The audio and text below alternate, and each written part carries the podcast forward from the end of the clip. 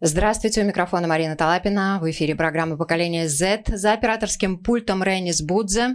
Видеорежиссер программы Даниэль Йофе. И сегодня мы вещаем из мультимедийной студии, благодаря которой вы можете нас видеть и слышать в интернете на таких порталах, как YouTube, Facebook, Instagram, ну и, конечно, на портале латвийского радио 4lr4.lv.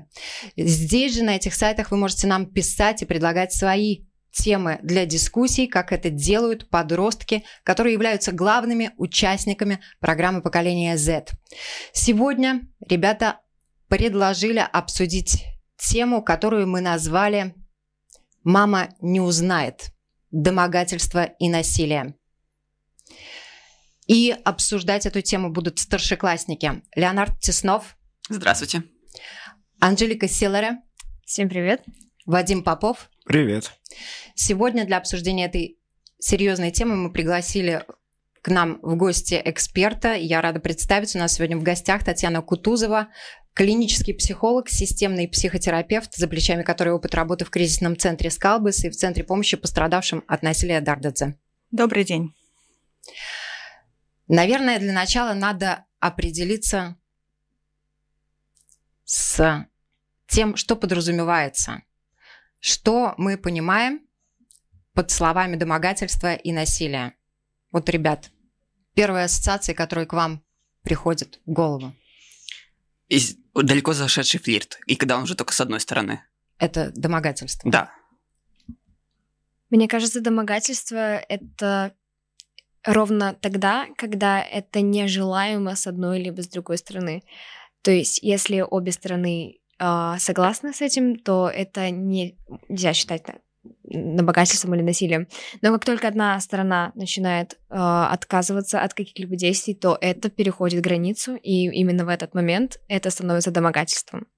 Это в случае, когда идет какое-то определенное насилие с одной из сторон, а вторая сторона против этого. И страна, с которой идет насилие, она не готова остановиться и Просто слова, слова «нет» не помогают. Идет уже, да, насилие, жестокость. Татьяна, как э, специалист, э, не раз встречалась с людьми, которые пострадали как от домогательства, так и от насилия, да, и у вас есть свое определение этим словам. Э, я бы обратила внимание, что здесь ни разу не прозвучало слово сексуальное насилие, да, потому что насилие бывает разное, бывает физическое, бывает сексуальное, бывает эмоциональное. И я бы всегда уточняла, о каком насилии идет речь. Да? Домогательство чаще используют слово, используют, когда говорят про сексуальное насилие.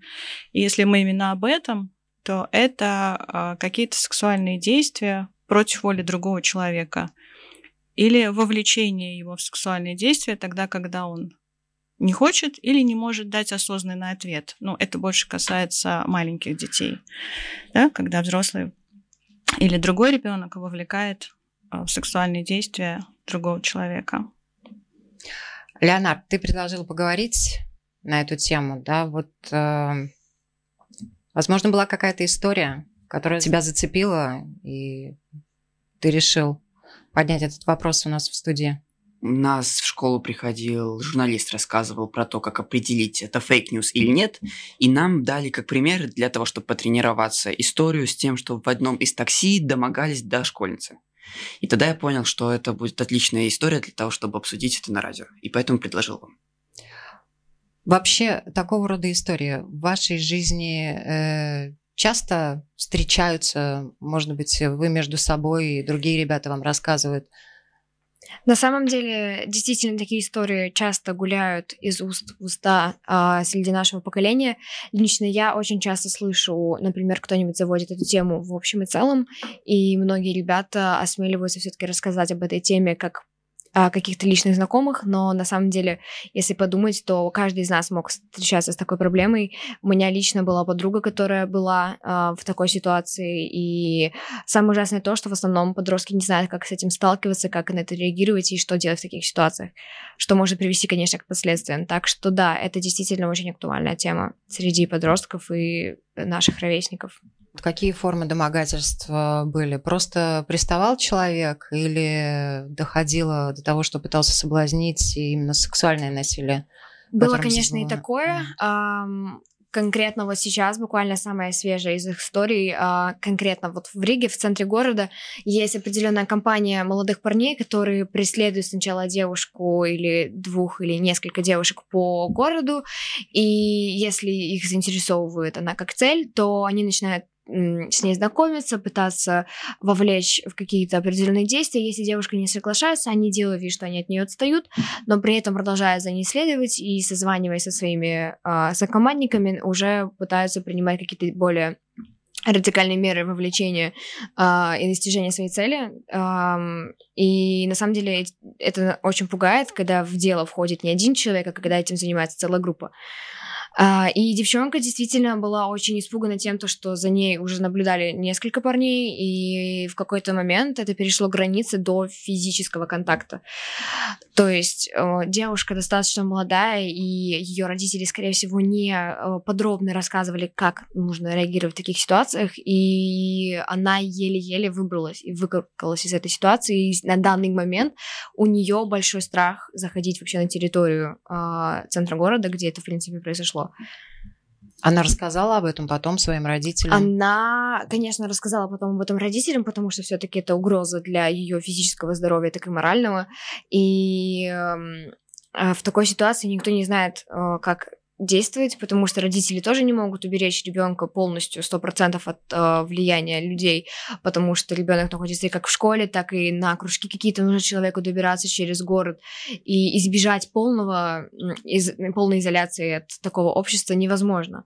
Поэтому хотелось бы э, как-то эту проблему обсудить так, чтобы и родители могли э, понимать о том, что нужно о таких темах разговаривать с детьми, как с мальчиками, так и с девочками, а, так и чтобы сами а, дети, которые могут быть жертвами, тоже понимали, как примерно нужно себя вести, чтобы не сподвигнуть а, ухудшение ситуации. По поводу домогательства, я когда готовился к этой программе, я понял то, что многие из женщин, из девушек, правильно сказать, встречались с этим, потому что как бы в той или иной мере у них было подобное. Подруга работает в модельном бюро, и там до нее домогались. К остальным одноклассницам приставали и так далее. Со большинством из них это было. Но еще я заметил то, что большинство из них боится говорить это родителям. Они не говорят это родителям, это они сами пытаются это пережить. И как бы даже не всегда это говорят своим друзьям. Это одна еще большая проблема, о которой мы немножко побольше э, поговорим чуть позже. Я хотела бы э, спросить, э, с какими историями к вам, как к специалисту, обращаются? То, что касается домогательств. Психологу э, осмеливаются говорить именно молодые люди?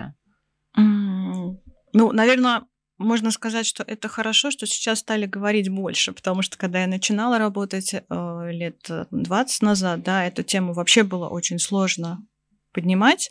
И вот сейчас ребята часто говорят слово «говорить», да. В принципе, в этой ситуации «говорить» — это, наверное, самое важное, что может сделать девушка или парень, которому пристают или как-то сексуально домогаются.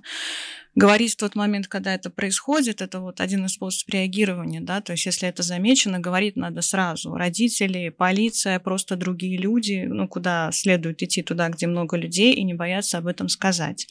Но часто мешают такие естественные чувства, как вина и стыд, да, потому что, в общем-то, и взрослые о таких вещах говорят не очень легко, и редко об этом разговаривают с детьми, поэтому если вот ну, с человеком в 18 лет об этом никогда не говорили, а вот в 18 с ним что-то происходит, и он должен сказать, конечно, ему трудно. Да? Ну, насчет историй, с которыми обращаются, тут можно сказать, есть ситуации, где э, молодые люди вообще или дети не всегда понимают, что это есть сексуальное насилие, потому что очень часто под насилием имеется в виду уже ну, физические какие-то контакты, половой акт, да, что-то такое. Хотя на самом деле э, этих действий очень много. Это могут быть разговоры, звонки, это может быть вот наблюдение, преследование, какие-то прикосновения, да, все, что имеет э, такой сексуальный характер ради желания другого. А, Это все про насилие.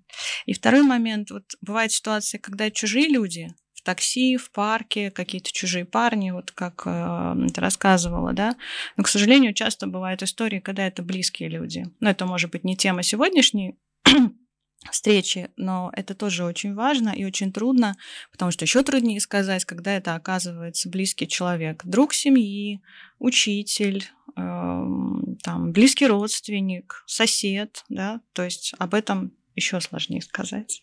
И сложнее сказать, и, наверное, самое страшное, когда эти попытки делаются, а ребенку не верят. Да, пока вот я слушала историю, я думала о том, что родителям часто а, боятся рассказывать, потому что, во-первых, могут не поверить, и тогда обычно второй, третий раз уже не говорят. А, но еще, к сожалению, есть такой момент, что родители или просто взрослые, они сами так пугаются, что невольно начинают обвинять ребенка да, ну, говорит, зачем ты туда пошла, зачем ты села в эту машину, почему ты пошла гулять с мальчиками, почему ты в 8 вечера и гуляешь через парк, а не учишь уроки и так далее, да, и тогда получается, что эта жертва, она как бы еще и сама виновата, что непереносимо. Ну, вот из-за этого тоже часто молчат. А третья причина, потому что родители сами про это не разговаривают. Ну, как бы первое, что важно, это информировать подрастающих детей о том, что вообще это бывает. Я вот не знаю, вы про домогательство и сексуальное насилие от родителей узнали? Вряд ли. Вряд ли. Это было на уроках, когда нам говорили, как надо защищать, какие есть э, виды преступлений, mm-hmm. немного о домогательстве и все. Mm-hmm. Да. В конце нашей сегодняшней программы прозвучит шокирующая история девочки, которую не знают ее родители. Но об этом чуть позже. А сейчас э, продолжаем Программа поколения Z и говорим о домогательствах.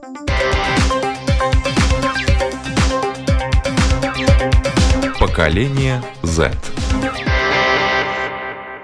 У микрофона Марина Талапина в эфире программы «Поколение Z». Мы вещаем из мультимедийной студии, поэтому нас можно слышать и видеть на таких сайтах, как э, YouTube, Facebook, Instagram. Здесь же нам можно писать и предлагать свои темы для обсуждения. И сегодня мы говорим о домогательствах и насилии, о том, что родители чаще всего не знают о таких вещах, если они происходят с их детьми. Вот, ребят, вы бы своим родителям об этом рассказали?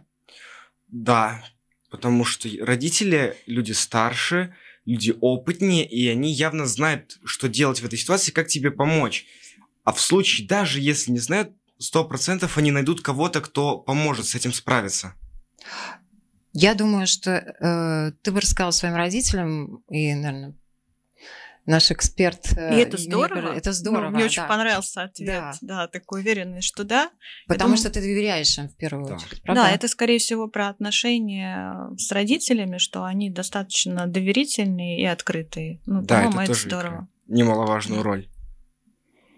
Я бы на самом деле не сказала родителям. У меня на самом деле с родителями очень доверительные отношения, и как с мамой, так и с отцом. Мы всегда можем разговаривать на любые темы, но то, что касается лично моей жизни, так сложилось, что я, наверное, привыкла со всеми своими проблемами сталкиваться сама, поскольку, не знаю, такой самостоятельность у меня э, начала развиваться с самого раннего возраста, и мама мне всегда доверяла, и со всеми своими проблемами я всегда справлялась сама.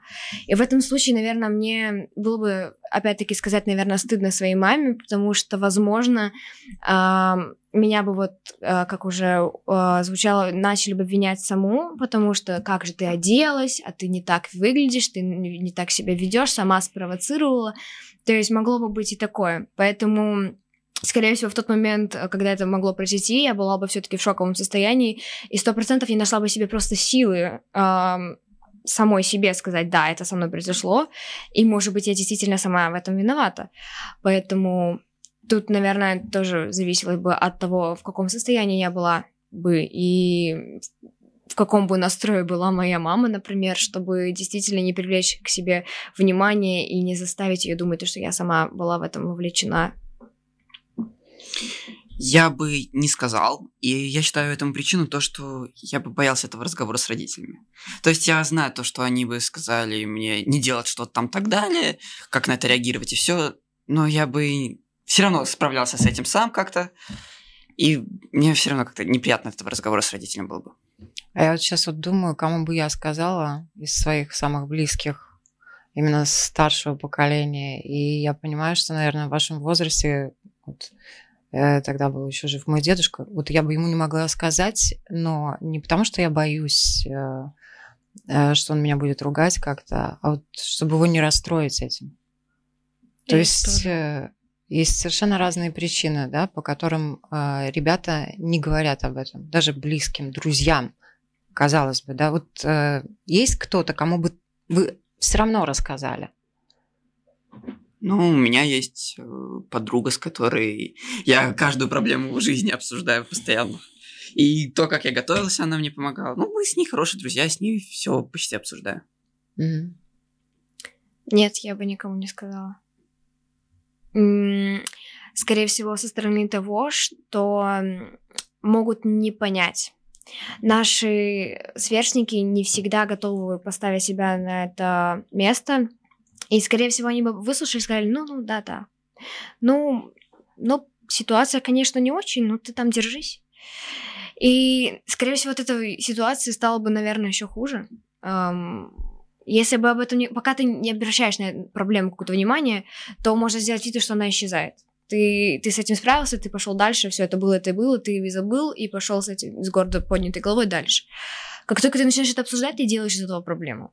И многие бы подростки посчитали, что ты либо привлекаешь внимание, или ты такой бедный, несчастный, тебя надо пожалеть. И ты никогда не знаешь, как подросток, который в такой ситуации не был, воспримет это и как он на это отреагирует. Поэтому да Вряд вот ли. Бывают истории, когда это систематически происходит. И, например, с учителем, который преподает да, и ты вынужден ходить к нему на занятия и с доктором, или там в модельном агентстве, э, там, руководителем модельного агентства или какого-нибудь подразделения, который, с которым ты постоянно вынужден сталкиваться. В принципе, далеко ходить не надо, можно взять тех же, не, не то чтобы одноклассников, но как минимум людей, с которыми ты ходишь в школу. Если это взять частный случай того же парня либо девушки, вы учитесь в одной школе, вы никуда не можете от этого деться, если это постоянно происходит, э, и ты обратил, например, на это это внимание искал той же подруги, она сказала, ой, да подумаешь, может, он просто шутит, просто на тебя обращает внимание. Но если тебе это уже все равно не нравится, а люди это воспринимают как что-то неважное, как это, ну, подумаешь, ну, э, всего лишь шутка, или, ну, не знает, как по-другому внимание обратить. Но все равно факт того, что это происходит, э, и это избежать никак, ты, ты сам не можешь, и человек, до человека тоже не доходит, что тебе это не нравится, и ты пересекаешься каждый день в коридоре с этим человеком, должен смотреть ему в глаза, глаза куда-то прятаться или куда-то себе деть, это тоже очень некомфортная ситуация. Не обязательно этот человек должен быть старше, это может быть твой ровесник. Ну, я, наверное, а, не смогу пропустить историю о том, что жертва может быть виноватой, да, потому что это очень важный момент, что те, с кем произошло насилие, они часто чувствуют себя виноватым и долго ищут, как же можно было поступить по-другому, да, и здесь, а, ну, очень важно понимать, что виноват всегда преступник, виноват всегда насильник. Да, это то, что, над чем приходится очень много работать, кстати, и психологам тоже, чтобы эти люди перестали чувствовать свою вину.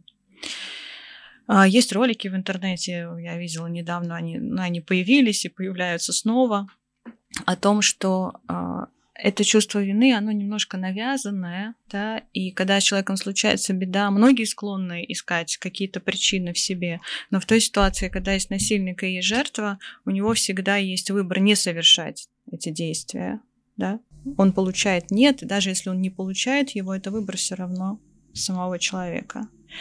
В этом смысле избавиться от чувства вины очень трудно. И второй момент, про который тоже мы здесь сейчас вот говорили, что если ты не озвучиваешь проблему, ее как будто нет. Это тоже очень страшная позиция, ну, со страшными последствиями, я бы сказала, потому что внутри оно продолжает жить, да, оно становится такой какой-то болью, и это мешает потом строить уже хорошие отношения с теми же парнями, если это девушка, с девушками, если это был парень. Вот поэтому но кому говорить, это действительно очень сложный выбор. Это должен быть человек, который отреагирует адекватно, да, который сможет помочь или обеспечить действительно помощь.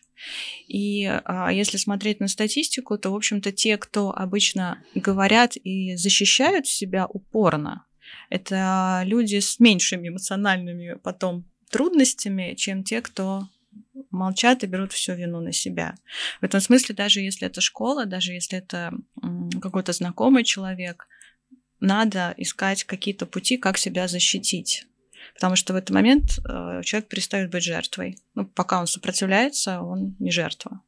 А как себя можно э, защитить вот именно от домогательств? которые даже твои близкие знакомые, при которых, может быть, это тоже происходит, да, в той же школе, не воспринимают как домогательство. А. Говорить все время нет, игнорировать. Угу. Ну, или искать какой-то помощи у взрослых, если это сверстники да? Но опять-таки найти человека, к которому можно обратиться. Сейчас, э, к счастью, в школах есть э, психологи, социальные работники, есть учителя, которые способны понять и заметить такие вещи.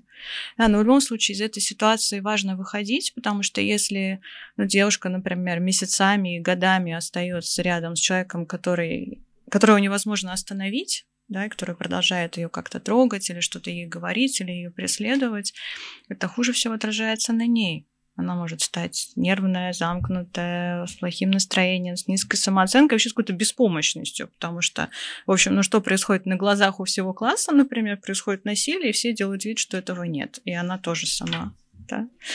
То есть любые решения здесь будут хороши, кроме как молчать. Я хочу вам зачитать две истории, э, в которых э, девушки пытались защитить себя от домогательств и на сайте BBC и многих других ресурсах в интернете была опубликована новость не так давно о том, что суд в Бангладеш приговорил 16 человек к смертной казни за убийство 19-летней Нусрат Джахан Рафи, которая жаловалась в полицию на сексуальные домогательства со стороны директора. Среди осужденных сам директор, две одноклассницы Нусрат и двое местных руководителей отделения правящей партии. А в апреле этого года ученицу религиозного медреса облили керосином и подожгли на крыше школы. За несколько дней до этого она пыталась себя защитить, написала заявление в полицию, пожаловавшись на домогательство со стороны директора. Вот жестокое убийство, совершенное в маленьком городке Фини в 160 километрах от столицы, потрясло всю страну, и по Бангладеш э, прокатилась волна демонстраций с требованием правосудия, поэтому, собственно говоря, эти люди и были Э, достаточно быстро э, найдены и приговорены к смертной казни. Будет приведено в исполнение, не будет приведено в исполнение, наверное, новости появятся, но само по себе ужасно. Человек хотел себя защитить, да, пошел в полицию, правоохранительный орган, mm-hmm. и узнав о том, что девочка, девочка обратилась в правоохранительный орган, люди, которые виноваты в этом, приговорили ее к смерти. Это и про общество, но это скорее тогда болезнь общества, а не неправильное поведение самой жертвы. Да? В той ситуации, в которой она оказалась, к сожалению, не нашлось тех людей, которые могли бы ее защитить. Ну, я бы, наверное, исходила из того, что это одна история, но есть еще и другие истории, где жертвы обращаются за помощью и им помогают. Слава богу, да. да и их тоже хорошо бы знать. Да. И э, тут э, меня э, покоробило, когда я читала эту новость, что участвовали в расправе над девочкой одноклассницы. Мне кажется, это потому, что мы не умеем отличать флирт от домогательства. То есть эту грань мы не чувствуем. В этом проблема. То есть они думали, что он просто как бы флиртует с ней, а для нее это было домогательство, они это не понимали. Но это же не повод, чтобы идти помогать этому человеку, обливать человека, девочку керосином и поджигать. Ну, Тут... может, у них такие правила по поводу того, что нельзя на знакомых доносить. Да, тут еще другой вопрос возникает, какие отношения были у этих э, одноклассниц с тем же директором. Ну, история потрясает. Еще одна новость. Она сейчас прямо набирает обороты в СМИ, и в частности сайт redis.ru, Фонтанка, пишет о том, что произошло в Петербурге. В России студенты потребовали наказать педагога и депутата за домогательство. Четыре выпускницы Российского государственного педагогического университета имени Герцена обвинили депутата законодательного собрания Петербурга Бориса Вишневского в сексуальных домогательствах. 11 ноября в Санкт-Петербурге состоялось несколько одиночных пикетов. Своими действиями студенты попытались привлечь внимание и уверены, что Вишневский не должен преподавать, тем более работать в законодательном собрании города Санкт-Петербурга. В частности, э, Фан цитирует слова студентки Дарьи Галимовой, Э, цитата, «Мы стремимся привлечь внимание к эпизоду того, что Борис Вишневский, депутат и преподаватель э, кафедры политологии в университете Герцена, подозревается в том, что совершал домогательство в отношении студентов, причем преимущественного первого и второго курсов. Среди них могли быть и несовершеннолетние, как девушки, так и юноши, которым, может быть, не было даже 18 лет. И также ранее откровенный рассказ одной из э, студенток, студенток РГПУ был опубликован в открытых источниках. Девушка не могла дальше скрывать страшную тайну о домогательствах педагога и парламентарии. И по ее словам, депутат интересовался также юношами. Как пишет ФАН, студенты проводят серию пикетов и у законодательного собрания Петербурга, пытаясь рассказать людям о проблеме, которую никто не хочет замечать. Мало того, что человек остается безнаказанным, со студентами ведут профилактические беседы и грозят им отчислением за то, что они пытаются э, обнародовать эту историю. Мы связались по телефону с экспертом из Санкт-Петербурга, доцентом, кандидатом психологических наук, преподавателем Российского государственного педагогического университета имени Герцена Ирина Сергеевна Богачик. Она также у нас бывала в гостях. Давайте послушаем ее комментарий. Дело в том, что здесь а, вообще, в принципе, даже вариант не столько желания сексуального у этого преподавателя, а сколько в основе лежит жажда подчинения. То есть э, не сексуальное влечение, понимаете, как удовлетворение потребности, а именно жажда подчинения, что через это я еще большую буду иметь над вами власть. В принципе, в основе любого сексуального домогательства именно это лежит. То есть э, секс как удовлетворение сексуального влечения здесь как раз на втором месте. История грязная. Почему детей не защищают? Им же всего там 17, 18, 19 лет. Почему взрослые люди ополчились на юных людей? Смотрите, молодые люди в силу своей вот этой незрелой еще психики очень часто могут из искры раздуть пламя. Я не про эту конкретную историю, а в принципе. И здесь а, это же интересно, это же порог, это же вот такая вот, эм, ну просто шумиха вокруг. А сейчас жажда быть известным стоит э, вообще на одних из самых передовых мест э, в плане потребностей человека. И э, почему так взрослые себя ведут? Потому что они э, защищают, что называется, свою эрию, то есть свою территорию. Потому что вот этот момент э, доказательства – не всегда а, бывает. Но здесь уже доказанный факт в этой истории. Но очень часто же бывает, что просто вот из искры, что называется, раздули пламя. Почему взрослые угу. люди, которым очевидно, что факт налицо, не угу. защищают ребят, а грозят им отчислением? Прежде всего, это рейтинг э, высшего учебного заведения. И здесь э, как бы история следующая, что тень э, содеянного ложится, ну, плюс-минус там на кафедру или на факультет, или на институт. Ну и, в принципе, на университет в целом, что вот там такое происходит. И все пытаются отстоять и защитить свою территорию. Срабатывает та же самая обычная потребность безопасности. То есть взрослые люди ведут себя так, потому что они пытаются таким образом себя обезопасить. И совершенно никто не думает в данном случае о э, интересах э, вот этих молодых людей. Мир очень циничный. Не обезопасили ли бы себя, если бы ну, наказали вот этого преподавателя? А вот здесь доказательство от противного может сработать. Э, иногда бывает проще доказать, что этого не было, и таким образом вот защитить свою территорию, чем а, сказать, что да, это было, и а, пойти вот с повинной, условно говоря, всей кафедре. То есть все считают, что они таким образом оказываются задействованы в этом. То есть сопричастны, да? Сопричастность, безусловно.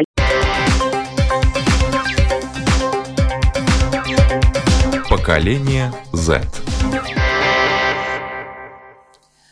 Вот такая история с таким комментарием, да. Взрослые люди при доказанных фактах отказываются защищать, защищать э, молодых людей которые в этом пострадали. Мне кажется, это еще один повод для тех же молодых людей стараться не обнародовать такого рода истории, бояться этого. Вероятно, да. Но при этом А,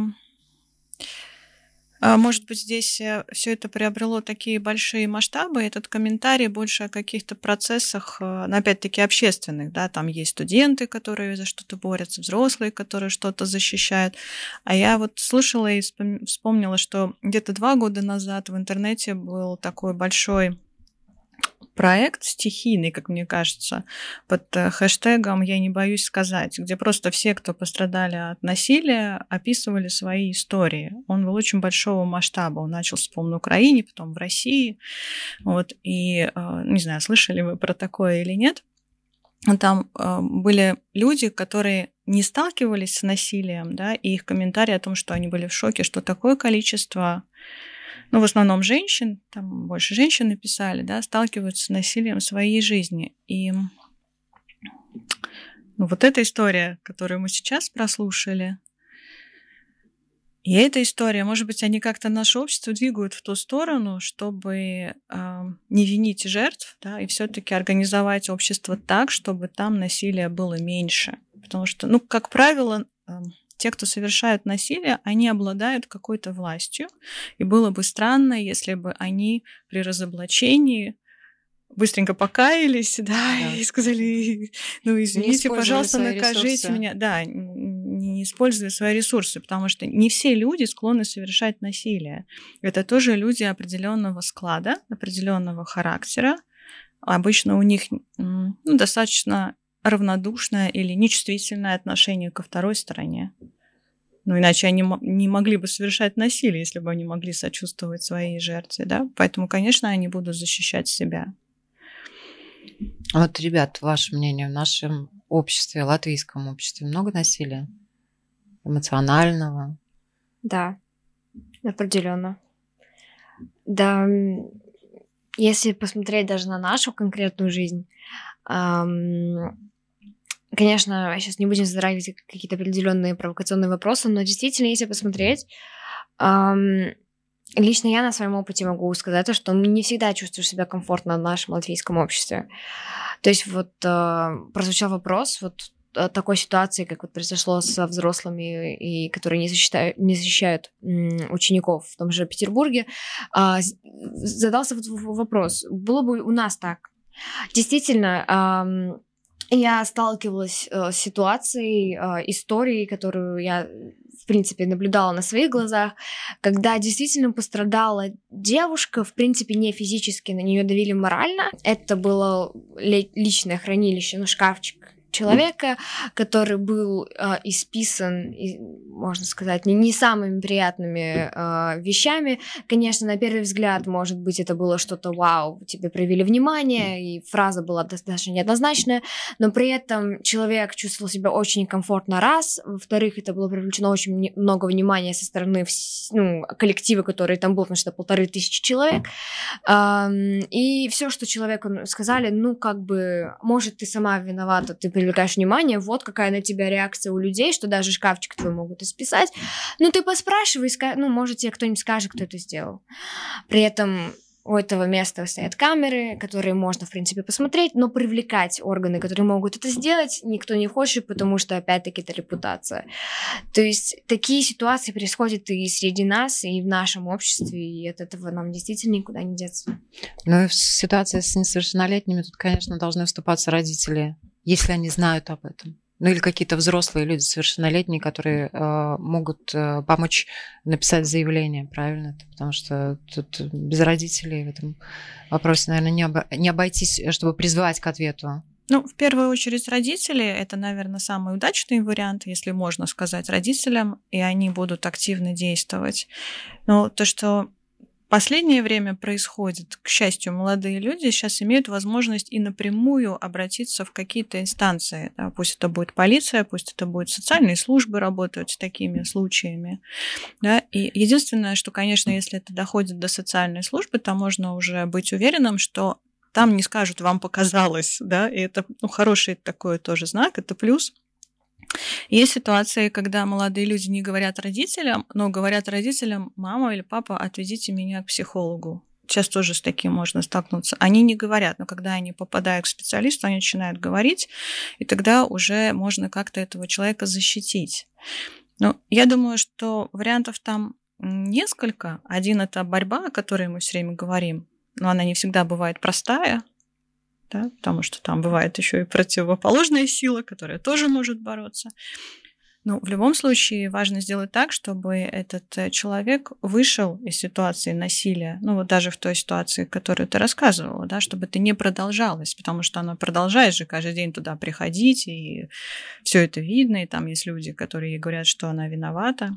Ну, я знаю случаи, в которых жертве приходилось уходить из школы, из института, откуда-то еще, но это все равно лучше, чем остаться и терпеть да, потому что там все-таки предпринимаются какие-то действия, заканчивается ситуация, человек может жить без нее, даже если он не прямо победил, но все равно что-то было сделано.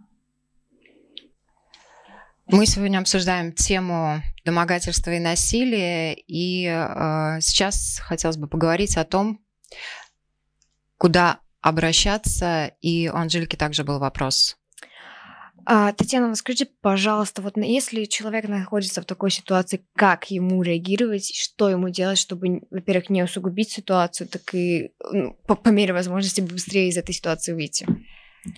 Эта ситуация это когда есть человек уже пострадал от насилия, или он подвергается каким-то действиям регулярно, под угрозой, да, да находится происходящего. Угу. Ну, я думаю, зависит от ситуации. Если это разовая ситуация, то есть, например, вот как ты рассказывала, что за девочкой следят, да, она это заметила. То важно соблюдать и правила безопасности, которые обычно все хорошо знают, но забывают самый неподходящий момент, да. То есть, если это происходит на улице, ни в коем случае не заходить куда-то, где ты можешь остаться с этими людьми наедине.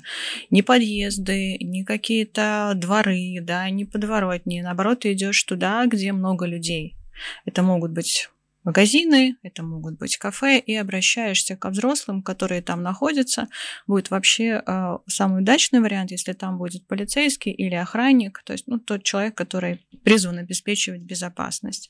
Хорошо позвонить и попросить тебя встретить домой. Ну, это такие прям вот скорая помощь.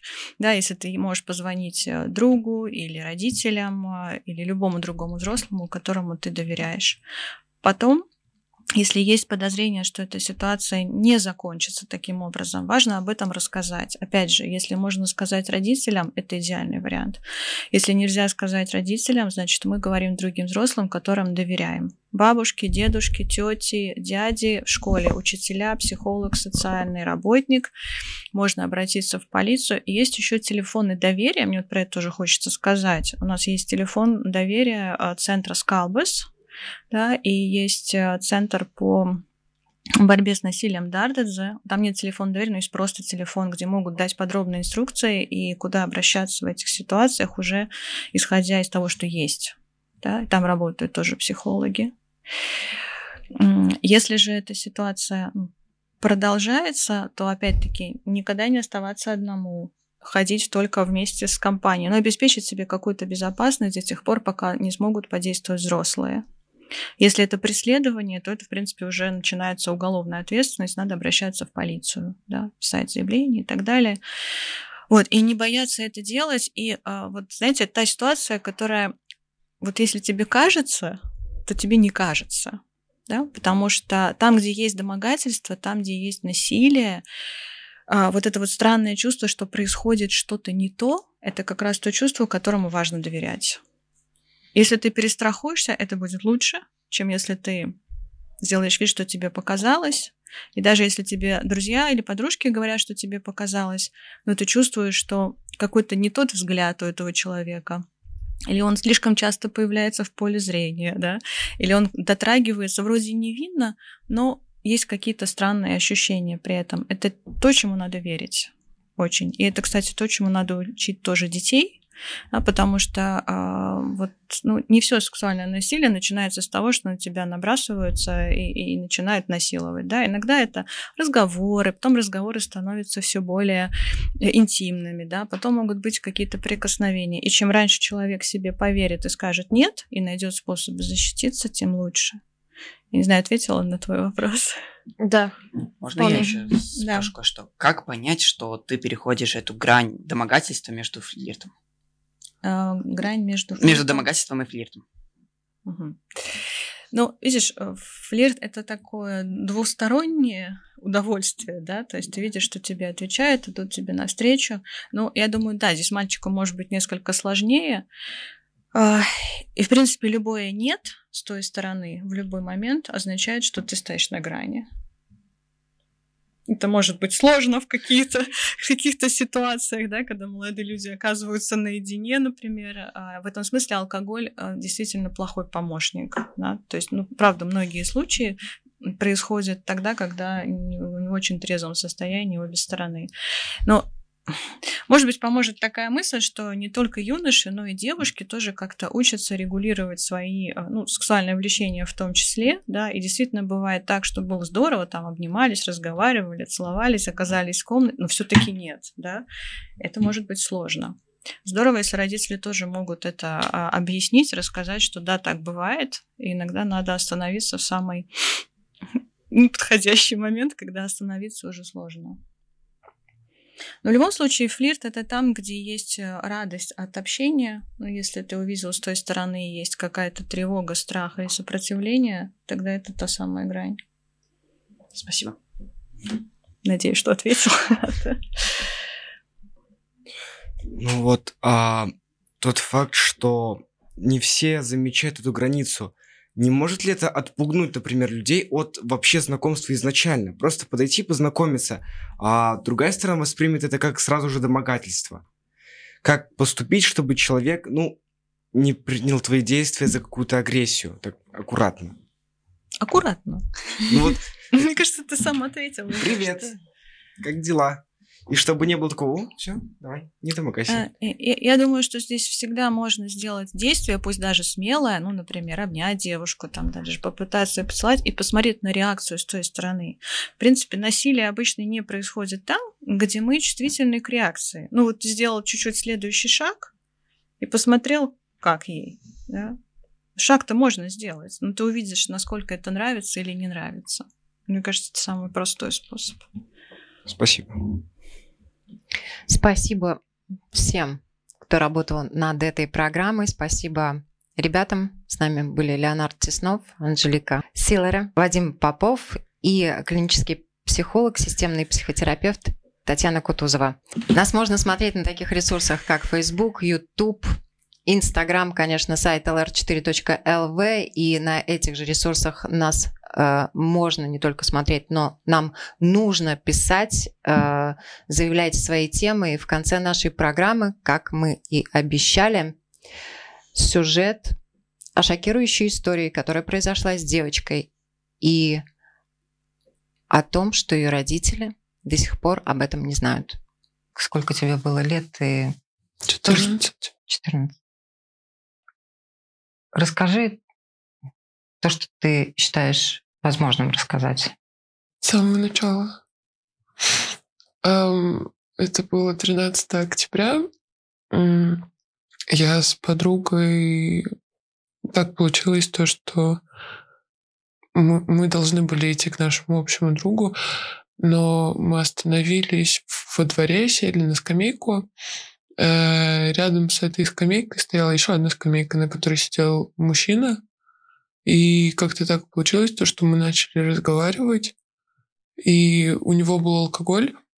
Мы выпили вместе с ним, потом через какое-то время подошел его друг, с которым мы тоже выпили.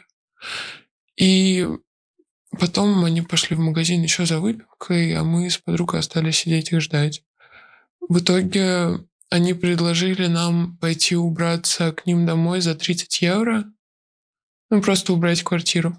Потому что мужчина приехал, с, только недавно вернулся с моря, и в квартире было не очень чисто. Мы были уже пьяные, мы согласились. Мы пришли домой. Я ну, мы, мы выпили еще, и я напилась до такого состояния, что я не могла двигаться. Я легла на кровать, как мне говорила моя подруга, я ну, не слышала ничего, не видела. Я лежала просто, и так получилось то, что э, я была сначала в одной комнате, потом меня этот мужчина перенес в другую комнату. И самого происходящего я не помню. Единственное, что я запомнила, что моя подруга врывается в комнату, бьет меня по лицу, отталкивает этого мужчину. Он уходит там буквально на секунд 15, закрывается дверь, он опять начинает ко мне приставать. И так получилось то, что то, что произошло, я не знаю, как это правильно сказать, произошел половой акт, и когда его втор... когда его друг сообразил то, что он э, фактически насилует несовершеннолетнюю девочку, он начал его оттаскивать, потому что моя подруга этого сделать не могла. В одной из следующих наших передач вы обязательно услышите полную версию этого интервью. А сегодня до новых встреч!